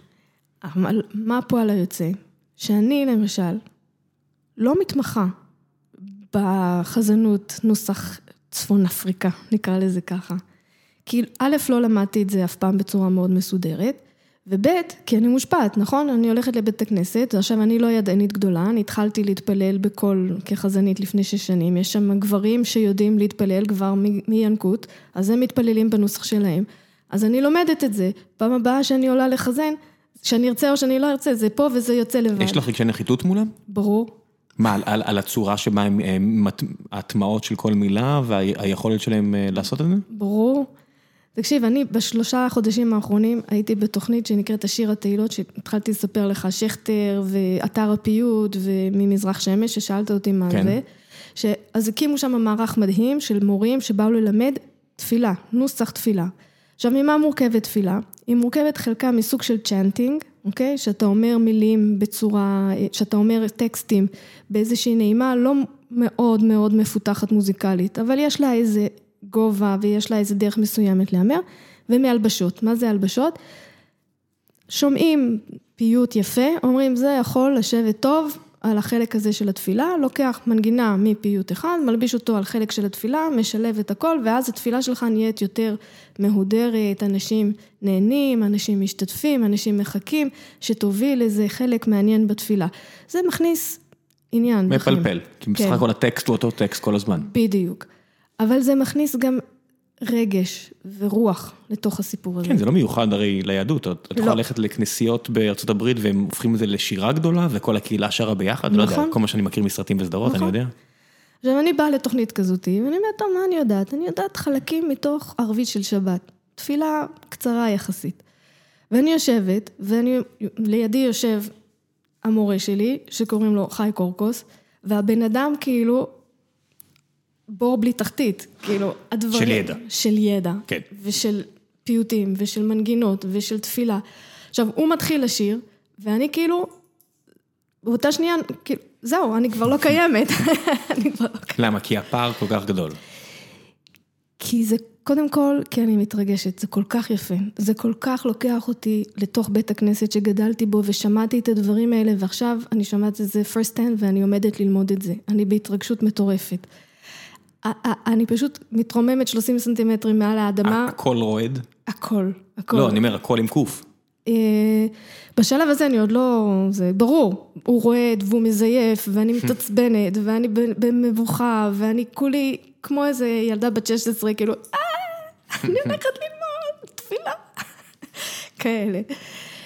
ולאט לאט, ככל שהוא מלמד ומתקדם בשיעורים, ואני רואה שאני כאילו, זה נכנס, אבל איזה מאמץ אני משקיעה. שעות, שעות, שעות. אני מקליטה אותו בשיעור, ואחר כך אני שמה את זה באוטו, וכל פעם שאני נכנסת לאוטו, עוד לא הדלקתי את האוטו, זהו, הוא כבר שר ברקע. מה אני- זה בקסטה? כן, זה mp3, זה קסטה. אה, אני יודע. מה קרה, מה, אנחנו לא שנות יודע. ה-80 פה? אני לא יודע. איך איך מקליטים? עם אה, עם הטלפון, ברור, כן. ברור. ואחר כך עורכים את זה עם הזה. אה, כי אני אני מנסה עכשיו כאילו דברים ממש פרקטיים, אי אפשר להקליט בשבת, את רוצה להקליט את הדבר האמיתי ואי אפשר להקליט אותו. ובגלל זה התוכנית הזאת בשבילי הייתה מדהימה. כי אם הייתי צריכה ללמוד רק מהפעם ב, וזה בעצם מה שקרה, הפעם ב שהייתי הולכת לבית הכנסת ושומעת תפילה, לא עזרו לי ל- ל- ללמוד את כי הנוסח. את לא יכולה לחזור על זה. אני לא יכולה לחזור על זה. גם יש הבדל עצום מללמוד מהקלטות, משמיעה, לבין ללמוד עם מורה. זה, זה, זה פער אדיר, שאתה יושב ליד הבן אדם ואתה שומע אותו מדייק, והוא גם מתקן אותך, והוא אומר לך, פה טעית, פה תעלי, פה תרדי, ואני מקליטה את כל הסשנים האלה, את כל הטעויות גם. ואני אחר כך שומעת, ואם אוטומטית הראש שלי כבר עושה את הטעות ואני שומעת את התיקון, אז אני כבר יודעת שאני צריכה לתקן.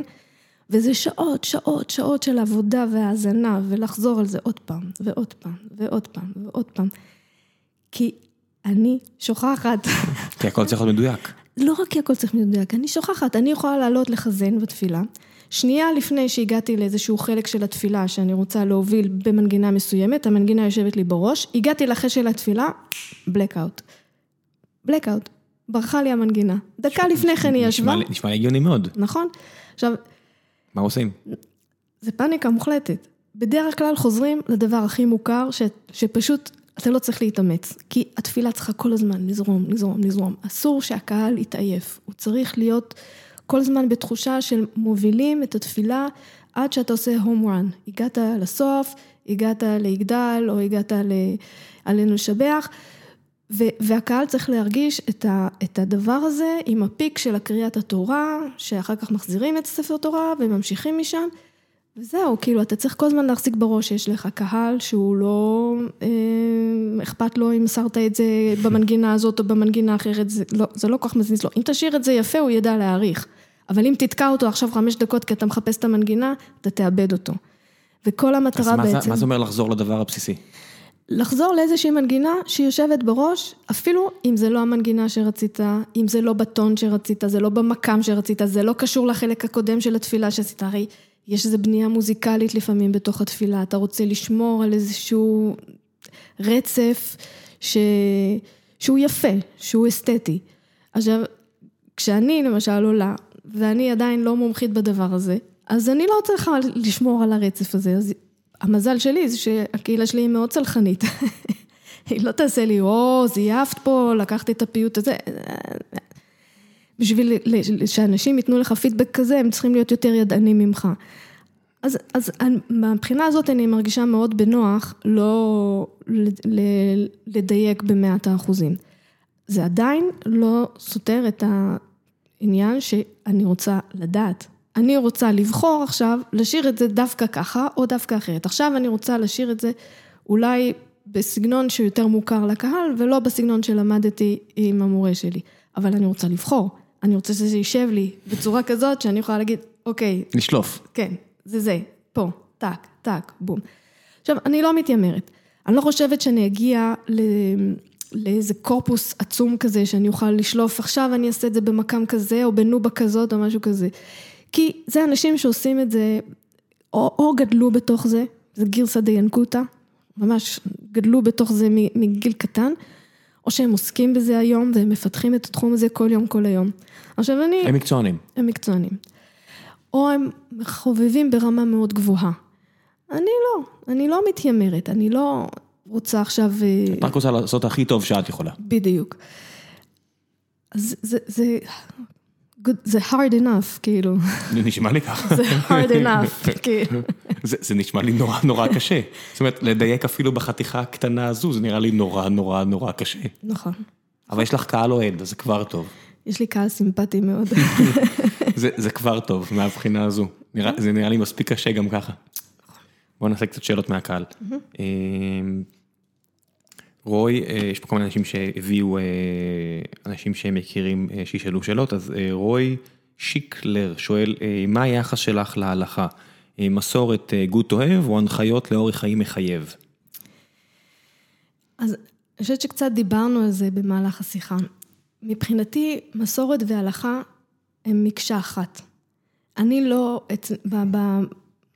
בתפיסה שלי, אין הלכה בלי מסורת. המס... ההלכה שלי היא מסורת שקיבלתי, והמסורת שלי היא הלכתית. אז מבחינתי אין איזה ניגוד עניינים בין הדברים האלה. ההלכה והמסורת מתפתחות ומשפיעות אחת על השנייה, והן נמצאות ביחסי גומלין כל הזמן. אז זה good to have ו-have to have ו-got to have. שניהם, כל הזמן. אז איך בעצם, אוקיי, זו שאלה, אני מצטער על הבורות, אוקיי? אז מה בעצם מפריד אה, אנשים חרדים? הרי גם הם מתחייבים למסורת, אז מה זה פשוט יותר אדיקות, זאת אומרת, יותר אה, על קוצו של יוד, מה בעצם ההבדל בין אנשים חרדים ללא חרדים מהבחינה האידיאולוגית-הלכתית? הבחירות שעושים. מה זה אומר מבחינת היחס להלכה? מבחינת הפרקטיקה שאתה מאמץ באורח החיים שלך. אדם כל הזמן מבצע בחירות. כל הזמן. אני בוחרת בכל יום מחדש שאני רוצה להיות יהודייה, שאני רוצה להיות שומרת מצוות, שאני שומרת שבת, שאני הולכת לבית הכנסת, שאני מקיימת דברים מסוימים, ואני גם בוחרת לא לקיים דברים אחרים. זו בחירה. יש לה לפעמים רציונל מאוד מאוד ברור, ולפעמים לא. לפעמים אני פשוט קמתי... לא בא. לא בא לי. לא יוצא. אז, אז, אז, אבל בחרתי, ולפעמים אני אגיד, לא בא לי, אבל אני אקום, בכל זאת. כי אמרתי לעצמי, אני מקבלת על עצמי. עכשיו, הבחירות שאנחנו עושים, כל אחד מאיתנו, מושפעות מהמון המון דברים. אני, מבחינתי, החרדים, אה, כל, כל הזרמים, כל כן. הזרמים נמצאים על איזושהי סקאלה מאוד מאוד אה, גדולה של אה, רצף של פרקטיקה הלכתית, והם בוחרים לאמת אותה על כל פרטיה ודקדוקיה, וזה מה שמייחד אותם. הבחירות שלי הן קצת אחרות. את מעריכה אותם על זה? או שזה משהו שפשוט, זה, זה, זה משהו אחד וזה משהו אחר. זאת אומרת, יש איזושהי רמה של הערכה ל... לא יודע, אני יכול, נגיד אני כמי שאוהב לרוץ, ואז אני מגיע איזה קובי אורן, איזה אורח שתכף גם יגיע, או עוד כמה חודשים יגיע שוב, והוא רץ, הוא לא רץ עשרה קילומטר, הוא החליט שהוא רץ חמשת אלפים קילומטר, כי, לא יודע, ואני מסתכל מהצד, אני אומר, מצד אחד אני מעריך, מצד שני אני אומר, וואו, הוא קצת crazy, אני לא יודע, אבל את מבינה את השאלה, כאילו הם לוקחים את זה לאקסטרים, אז זה, יש פה איזשהו מקום של הערכה? יש לי, אני, אני אענה על זה קצת ככה. איך שבא לך. כן. יש לי דוד שיש לו 17 ילדים. מספר הגיוני סך הכל? כן. אה, בלי תאומים. מספר הגיוני? מאותה אישה. מאה אחוז. כאילו, אני, אני עושה בראש את החישוב, אני אומר, אה, אפילו מתמטית, זה לא הכי פשוט. אמ, ויש בינינו חילוקי דעות. הדוד הזה, שהוא אח של אבא שלי, בניגוד ל... הוא לא בניגוד, אולי בשונה מאנשים אחרים, ואפילו בשונה מהבנים שלו, מדבר איתי בגובה העיניים. כשאני מגיעה לשמחות, או כשהוא מגיע לשמחות שלנו, והוא מקפיד להגיע לכל השמחות שלנו. הוא מגיע עם אוטובוס, אני מניח? הוא מגיע עם... אה, תלוי, אה, לפעמים. לא, אני אומר עם אוטובוס כדי להביא 17 אה, כן. ילדים. לא, הם לא כולם באים כל הזמן. אני בטוח, כי אי אפשר לשנע אותם. אבל אתה תופתע מכמה כן באים. בעצמי. אני לא אופתע, אני... לא, הם באים באוטובוסים, ברכבות, בטרמפים, ברכבים. זאת אומרת, הקשר המשפחתי הוא משמעותי וחזק, אפילו שהם בחרו לחיות באורח חיים שהוא מאוד שונה משלנו, וקשה להם עם אורח החיים שלנו, כי הם לא יכולים לאכול אצלנו, והם לא יכולים לעשות שבת איתנו, והם... אה, כי הם יותר מחמירים. כי הם הרבה יותר מחמירים. אבל כשהוא, כשאנחנו מדברים, הוא מדבר איתי בגובה העיניים. ואני אוהבת לדבר איתו, כי הוא חכם, ותלמיד חכם, ועמוק, וה, והבנות דודות שלי הן נשים מדהימות בכל קנה מידה. פשוט, כאילו, נשים שמגדלות משפחה של שמונה, עשרה ילדים. וואו, הבן אדם הזה כאילו יש לו... מאות נכדים. מאות, אוקיי. לא, עשרות, עשרות, עשרות נכדים. בסדר, זה יהיה מאות נינים. אה, מאות נינים. וואו, נכון. זה חתיכת שבט. לגמרי, לגמרי. כשהם רוצים לצאת לנופש משפחתי, הם צריכים לשכור כפר קטן. כן, כן, אני מתאר לעצמי. כן. אז אני מדברת איתו, והוא חכם, והוא נבון, והוא מדבר איתי בגובה העיניים, ואנחנו יכולים לפתוח נושאים בצורה מאוד מאוזנת ושקטה, והבנות דודות שלי, נשים שלא הפסיקו לעבוד יום אחד בחיים שלהם, וגם הדודה שלי, כל החיים שלה עבדה, עם 17 ילדים, היא מנהלת של, של מדרשייה, של, לא מדרשייה, איך קוראים לזה? חשוב. אה, של בנות, ו... אז מהבחינה האישית, אני מעריכה אותם, אני אוהבת אותם, אני קשורה אליהם, ההשפעה שלהם על החיים שלי היא לא גדולה. הלכתית, פילוסופית, כן. כן, היא לא גדולה, כי, אבל מבחינתי, הקשר שלנו הוא לא רק משפחתי, אנחנו גם חלק מאותו עם, וזה משמעותי. אסף כהן שואל, אה, מה לדעתך הופך שאלה לשאלה טובה? באיזה הקשר זה נאמר? אני חושב שבקשר דתי, בהקשר דתי, הרי את שואלת, אה, נגיד, השאלה שבאת לאבא שלך, האם אישה יכולה להיות חלק ממניין? אני מניח שזו שאלה טובה. יש שאלות לא טובות? אני לא יודע, הוא שואל אותך.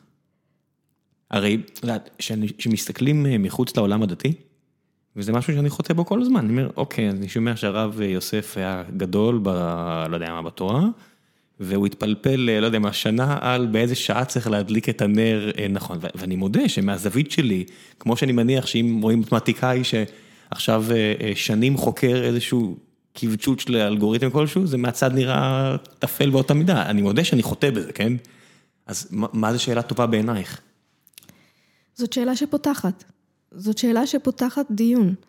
שאלה שפותחת מחשבה, שפותחת אה, הסתכלות, שפותחת אה, דו-שיח. זאת שאלה שאומרת, אני מתעניין, אני רוצה לדעת. שאלה שאומרת, אה, הרב עובדיה יוסף עוד פעם פסק לנו על אה, כל מיני גרביים בשבת. זאת שאלה שהיא לא מעניינת מהבחינה הזאת שהיא לא פותחת דו-שיח, היא בעצם שאלה שהיא מכילה בתוכה ביקורת וקטלנית. כאילו, מעצם השאלה, מה הוא מתעסק בשאלה הזאת? זאת לא שאלה שפותחת. אתה לא יכול עכשיו לבוא ולהסביר לו שלאדם הדתי יש מנגנונים שעוזרים לו לקבל החלטות בחיים, ואחד מהם זה ההחלטה מה לעשות עם גרביים מסריחות בשבת. לא יודעת. אה, כן, זו שאלה מאוד חשובה בקיץ הישראלי, אני מודה שזה נשמעת לי כמו דווקא כמו שאלה טובה. אה, דקל חורש שואל, אה, איך את מסבירה את ההתעקשות על שילוב שוויוני של נשים בעולם מיושן, כי זה עולם יחסית, לדעתי, מסורת של אלפי שנים, עם ערכים שרלוונטיים לתקופות קודמות. אז הסברת את זה, אני חושב, במהלך הפרק, כי את לא רוצה לקטוע את ה... לא רק, אני אשאל מה מיושן. ואהבת לרעך כמוך מיושן, לא תרצח מיושן, לא תגנוב מיושן, לא תחמוד אה, אשת רעך מיושן. אה, מה מיושן? מבחינתי עולם הערכים היהודי הוא רלוונטי מאי פעם. הדרך שבה ההלכה והחוקים היהודיים מוליכים אותי, הוא לא כל כך שונה אולי מדרכים של זה. אז קיבלתי על עצמי עוד כמה דברים שאולי האחרים פחות, אבל מבחינתי היא רלוונטית מאי פעם, זה עולם מדהים, עשיר, מורכב, רבגוני, שהפוך בה והפוך בה, ולא, ולא תקצר היריעה. עידו שבח קליין שואל, האם קיימות עוד קהילות שוויוניות ספרדיות? אני חושב שאמרת שזו היחידה, אבל תכף אני אתן לך לענות, ואיך את מסבירה את הכמויות השונות של קהילות שוויוניות ספרדיות ואשכנזיות? אז יש לנו שתי קהילות אחיות, אחת בברצלונה ואחת בלונדון. איך גיליתם עליהן? דגל יהודה היא קצת השראה, וקצת זה מהלך מאוד מאוד טבעי שקורה בעולם. קהילות שוויוניות הולכות ומתרבות, עד היום היו אשכנזים. כמה יהודים יש בברצלונה עכשיו? זה קהילה גדולה של יהודי ברצלונה? לא, אין קהילה גדולה. יש שם בית חב"ד מאוד גדול. אוקיי. אבל למה אני אומרת שהיא מושפעת? כי יום אחד האישה שבעצם הקימה את הקהילה הזאתי, הייתה בארץ, ודרך חבר משותף הגיעה אלינו לדגל יהודה לתפילה. עכשיו, היא בכלל גדלה בתוך יהדות רפורמית ומתפללת עם הרפורמית, אבל היא... רגע, מדברת על הלונדונית או על הברצלונית? על הברצלונית. היא קטלנית והיא ספרדיה שורשית והיא... אבל כשהיא רוצה להיות יהודייה, היא צריכה ללכת, ושוויונית, היא צריכה ללכת לקהילה הרפורמית. ואז היא מגיעה לארץ, ודרך חבר משותף מגיעה אלינו לקהילה, לדגל יהודה. ומה שקורה בעצם זה תהליכים של יחסי גומלין, השפעות כאלה. אז פתאום היא חושבת, אולי אפשר לעשות משהו כזה גם אצלי בבית. ואז היא לוקחת את מה שהיא רואה כאן, והיא מאמצת איזשהו מודל, ומפתחת אותו בדרך שלה. עכשיו, אחד הדברים שעושים אצלנו בדגל יהודה בצורה מאוד משמעותית, היא ללמוד. כי הגברים אולי יודעים הרבה, אבל אנשים פחות. אז אנחנו כל הזמן מעמידים לעצמנו מורים. לפעמים אנחנו מלמדים אחד את השני, לפעמים יש לנו אנשים כמו דרור יהושע, שהוא כאילו איזה מין ידען אדיר כזה. רגע, כשאת אומרת ללמוד, את מדברת מוזיקלית, הלכתית, גמרא?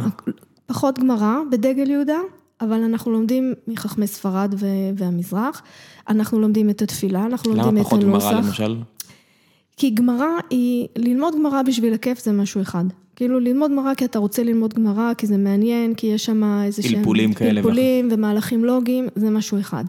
אבל ללמוד גמרא כדי לנסח לעצמנו הלכה זה מופרך לחלוטין. כי זה מפעל שצריך כמות גדולה של אנשים ומסורת ו... אתה צריך להיות ידען עצום כדי לפסוק הלכה בצורה הלכתית כפי שעולה מתוך הגמרא. בלי לעשות מעצמך צחוק. בלי לעשות מעצמך צחוק, בלי לבוא לעכשיו ולהגיד, אה, קראתי, לא, מה פתאום. אני מאשים אותם, דרך אגב, מי שכותב טקסט כזה מפולפל... זה לא טקסט שהיה אמור להיות כתוב בכלל. תחשוב שעכשיו מישהו ינסה לכתוב את השיחה שלנו. כן, לא, בוודאי. אוקיי? אז זה פחות או יותר מה שקרה בגמרא, פשוט כתבו שיחות. עכשיו, השיחות האלה, זה שיחות שכמו תיקח שני פילוסופים שמתווכחים עכשיו על איזשהו עיקרון. הפילוסופים היוונים שלא היו רחוקים בזמן הזה עשו בדיוק את זה, את יודעת. במובן מסוים. לא, זה, זה דיאלוגים הרי, בהרבה מקרים פילוסופיה היוונית מבוססת על דיאלוגים. נכון, אבל הגמרא, אחד הדברים שיש לה, זה דיאלוגים מאוד מכוונים, זאת אומרת, זה דיאלוגים שיש להם איזשהו היגיון, לוגיקה. שהדיונים מתפתחים לפיהם, זאת אומרת, אתה לא יכול עכשיו לבוא לתוך דיון בגמרא, לתוך דיון תלמודי, ולהביא עיקרון חדש שלא מכירים אף אחד, אוקיי? כי זה לא יעבוד. יש סט של כלים הלכתיים שאפשר להשתמש בהם. אז זה מה שאתן לומדות. אוקיי, משה וייל שואל, את רפורמית או אורתודוקסית, למה בארץ, בניגוד לארצות הברית, הרפורמים לא מצליחים? אז אני אתחיל מהסוף. אני לא מתמצאת ברזי הקהילה הרפורמית, אני לא יודעת שהם לא מצליחים, אני חושבת שבירושלים דווקא הם די טוב, הם מצליחים. את רואה הרבה. יש הרבה בתי כנסת רפורמיים, יש הרבה קהילות רפורמיות, וגם דיברתי על זה קצת, הם עושים עבודה מדהימה בעיניי. אנחנו בדגל יהודה לא משתייכים לשום זרם כזה או אחר, במובן הפורמלי שלו. אנחנו... בכלל כל החלוקה הדיכוטומית הזאת, אתה עכשיו רפורמי, אתה קונסרבטיבי, אתה זה, אתה זה, היא לא חלה עלינו.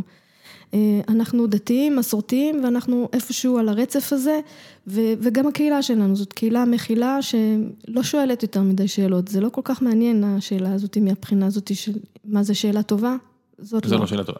רוי ליברטי התייחס פה למה שקצת דיברנו עליו, אבל בעצם למה הייתה את ההתעוררות עכשיו ביהדות המזרחית, אז דיברנו על זה. אה, קדם מוסל שואל, אה, קדם מוסל, נראה לי. אה, האם לקהילה יש רצון לגדול ולהתרחב? האם חלק מהאג'נדה שלהם מטרתה לחבר חילונים ליהדות או לרכך עמדות אצל חרדים? זאת אומרת, מאיזה כיוון לגדול? הרצון של קהילה לגדול, הוא, לפחות אצלנו, הוא מוגבל. אנחנו רוצים שיהיה לנו מניין. אנחנו רוצים שיהיה לנו מניין בשישי בערב, אנחנו רוצים מניין בשבת בבוקר, ואם יום אחד נצא לפנסיה סוף סוף, נרצה שיהיה לנו גם מניין כל בוקר, ונרצה שיהיה לנו מניין כל שבת, ונשקיע בזה מאמצים, ונ... ו... כי זה דורש. בשביל מניין לא צריך המון. צריך נגיד 100 אנשים, וזה גם אם מישהו יוצא לחופש, אז הוא לא פוגע במניין. ב-15 אנשים אתם בבעיה. נכון.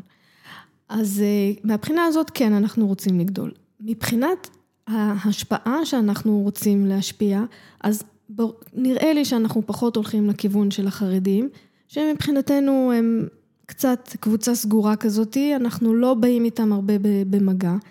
הנושא של קירוב חילוניים הוא לא בבסיס האג'נדה, הקהילה שלנו פתוחה למי שמרגיש קשר ורוצה עכשיו לבוא ולהיות בתפילה שהיא ספרדית. והוא לא רוצה ללכת לבית כנסת השמרני ולשים את אשתו והילדים בצד עם הבמבה והשקיות, אלא הוא רוצה לשבת עם המשפחה בתוך תפילה. אז אנחנו מקום בשבילו. אמ, יעלי ברגר שואלת, אה, מעניין שרוב הקהילות השוויוניות בארץ הן אשכנזיות ולא ספרדיות, התייחסנו, אה, כי הרי אחוז אה, הרבה יותר גדול מהספרדים מסורתיים, אז למה אין עוד קהילות ספרדיות, ספרדיות שוויוניות, ומהם החסמים שעומדים בפניהם? אני חושב שדיברנו על זה, או שאת רוצה להוסיף משהו? אני יכולה להוסיף משפט, שכל הנושא הזה של הליברליות ומעמד האישה הגיע לקהילות הספרדיות בשלב מאוחר, הרבה יותר מאוחר מאשר בקהילות אשכנזיות. אז יש איזשהו פער, אבל אנחנו מצמצמות אותו. והיא ממשיכה ושואלת, האם יש לך טיפים לכך שנשים ייקחו חלק אה, פעיל יותר בהנהגת התפילה במניינים שוויוניים? היא אומרת, הרבה פעמים גברים מתנדבים ואנשים אה, בשקט לא מתנדבות. נכון, ללמוד, ללמוד, ללמוד, ללמוד, למצוא מורה. ידע זה כוח. ללמוד, ללמוד את הנוסח, ללמוד את התפילה, ללמוד את הפיוטים, וקצת אומץ והרבה הרבה הרבה תמיכה וחברים טובים. יש פה שתי שאלות אחרונות שמתקשרות קצת לפוליטיקה. אה, האם יש לכם איזושהי, אה, מישהו שאל, למי הקהילה הזו מצביעה בבחירות? זאת אומרת, האם אתם אה, די הומוגנים פוליטית? לא. היא נענה בראש ואמרה לא. אביחי אלמאיו שואל, למה יש שנאה כלפי נשות הכותל? את יודעת? אני יכולה לשער לא פחות טוב ממנו, מהבחינה הזאת, אין לי איזשהו... זה יותר מדי אצבע בעין? הן קונטרוברסליות ולא במקרה. הן יוצרות איזושהי אה, מגמה של, אה, של שיח שהוא קולני. עכשיו, יש לזה את היתרונות שלו. הן מעמידות את השאלה במרכז הבמה. זאת אומרת, הן מציפות את השאלה בצורה שאי אפשר להתחמק ממנה. אתה חייב לחשוב על זה עכשיו. אתה חייב... מצד שני, אתה חייב לתפוס צד גם. אתה חייב להגיד אני מסכים או לא מסכים, אין באמצע. אתה לא יכול עכשיו להגיד אני מסכים עם קצת זה, אבל לא, אין דבר כזה. ולכן זה דרך פעולה בעולם. להציב את השאלה בצורה מאוד מאוד ברורה, גלויה, הכל פתוח, עכשיו תתמודדו. הנה, עכשיו אנחנו כאן, נראה אתכם מה אתם עושים. את צריך... בעדן? את בעדן? תראה, אני באופן אישי אין לי קשר רגשי מאוד עמוק לכותל. אני חייבת לציין את זה בצורה מסויגת, אבל אני מציינת את זה. מה, את אומרת שזה בעצם רק קיר מהגינה החיצונית של בית המקדש ואת לא מבינה על מה כל הרעש? אוי, לא. פחות או יותר. הבנתי, בסדר גמור, שלא לא נסבך אותך פה עם אה, אנשים בקהילה שלך או מסביב. אה, מן הסתם, שאדם כמוני אומר את זה, זה בא כנראה יותר בקלות מאשר שמישהי כמוך תגיד את זה. בסדר. אה, בחלק האחרון של הפרק, כל דבר שבא לך להמליץ עליו, את רשאית לקחת את הבמה ולהמליץ על כל דבר שבא לך להעביר, אה, פעילות, סדרה, סרט, ספר, אה, מה שבא לך, ואז אני אתן איזושהי המלצה משלי הפעם. אמ, מבחינתי המפתח לשילוב של נשים בחיים היהודים הרוחניים טמון בלימון, ולכן אני אחלק את ההזמנה שלי לשניים בעניין הזה. אחד, אה, אפשר לבוא אלינו לערבות. אנחנו קבוצה שפתוחה, שמקבלת אנשים, יש לנו תוכנית סופר מגוונת. איך אפשר להגיע אליכם? יש לנו דף פייסבוק. תשלחי לי את כל הכישורים הרלוונטיים ואני אשים. ואני אשלח לך את הכישורים הרלוונטיים. וזה צד אחד. פשוט לשבת עם נשים מזרחיות, לא כולן, לא רק, וללמוד, ולחזק את ה, גם את הידע וגם את המודעות ואת התודעה ואת האפשרויות.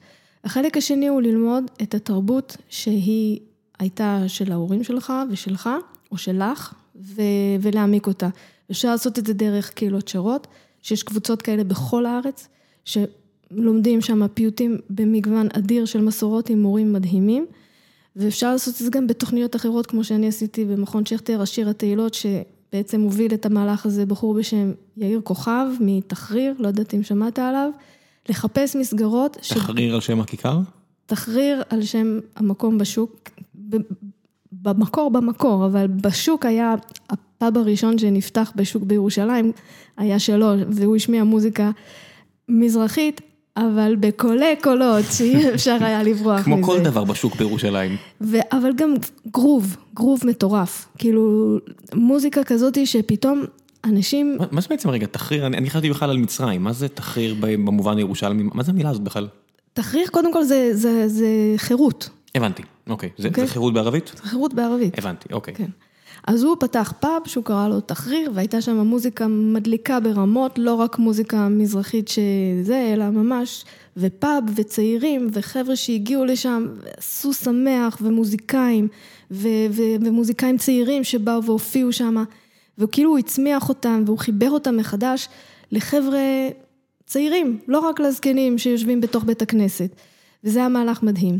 והוא מתפתח למלא כיוונים, הוא עשה השנה מימונה במגדל דוד, הוא עשה. הוא עושה כל מיני פרויקטים מטורפים. אחד הפרויקטים שלו היה הקורס חזנות שהוא עשה בשכטר, שכאילו לחפש מורים, לחפש אנשים שמוכנים ללמד וללמוד איתם. ו- ולשאול, פשוט, אני, כל בן אדם שני שאני פוגשת, אתה, אתה יודע, אתה רוצה ללמד, אתה יודע, אתה רוצה ללמד, אתה יודע, אתה רוצה ללמד, ואני הולכת ואני יושבת ואני לומדת. עכשיו, זה, אם זה מעניין, אבל זה דרך, to take ownership, לקחת בחזרה את הדבר הזה ולקחת את זה בידיים שלנו, ולא לשבת רק ולהגיד, אוי, לא למדתי כשהייתי קטנה. לא, extreme ownership זה משתי המילים שאני יותר אוהב בשפה האנגלית. זה איזשהו ספר שהמלצתי עליו כמה פעמים פה, ואני מאוד ממליץ עליו בתור דרך חיים. extreme ownership זה דרך חיים שאני מאוד מאוד מסמפת. אמ, אז יאללה, הנה, אני חשבתי להמליץ על משהו אחר, אבל אני אמליץ בפעם האלף על ספר שנקרא Extreme Ownership, חפשו. הוא קצת פשיסטי, כי הוא נובע מהצבא האמריקאי, פשיסטי במובן שהרבה מהלקחים שם מגיעים מהקריירה הצבאית של הסופרים, אבל זה לקחים שאפשר אה, לאמץ בכל תחום בחיים, וזה נוגע למה שאת אמרת, של לקחת אחריות אישית על כל דבר שאתה יכול, ולא להסתמך על דברים שפשוט ייפלו מן השמיים. אה, במה שאתה יכול לפחות לקחת אחריות, לא בהכל אפשר, ומה שאתה יכול תעשה, תעשי. יאללה, תודה רבה רבה על הפרק. הזה, אני מקווה שהנעמנו את זמנם של המאזינים. תודה. ביי לפניים.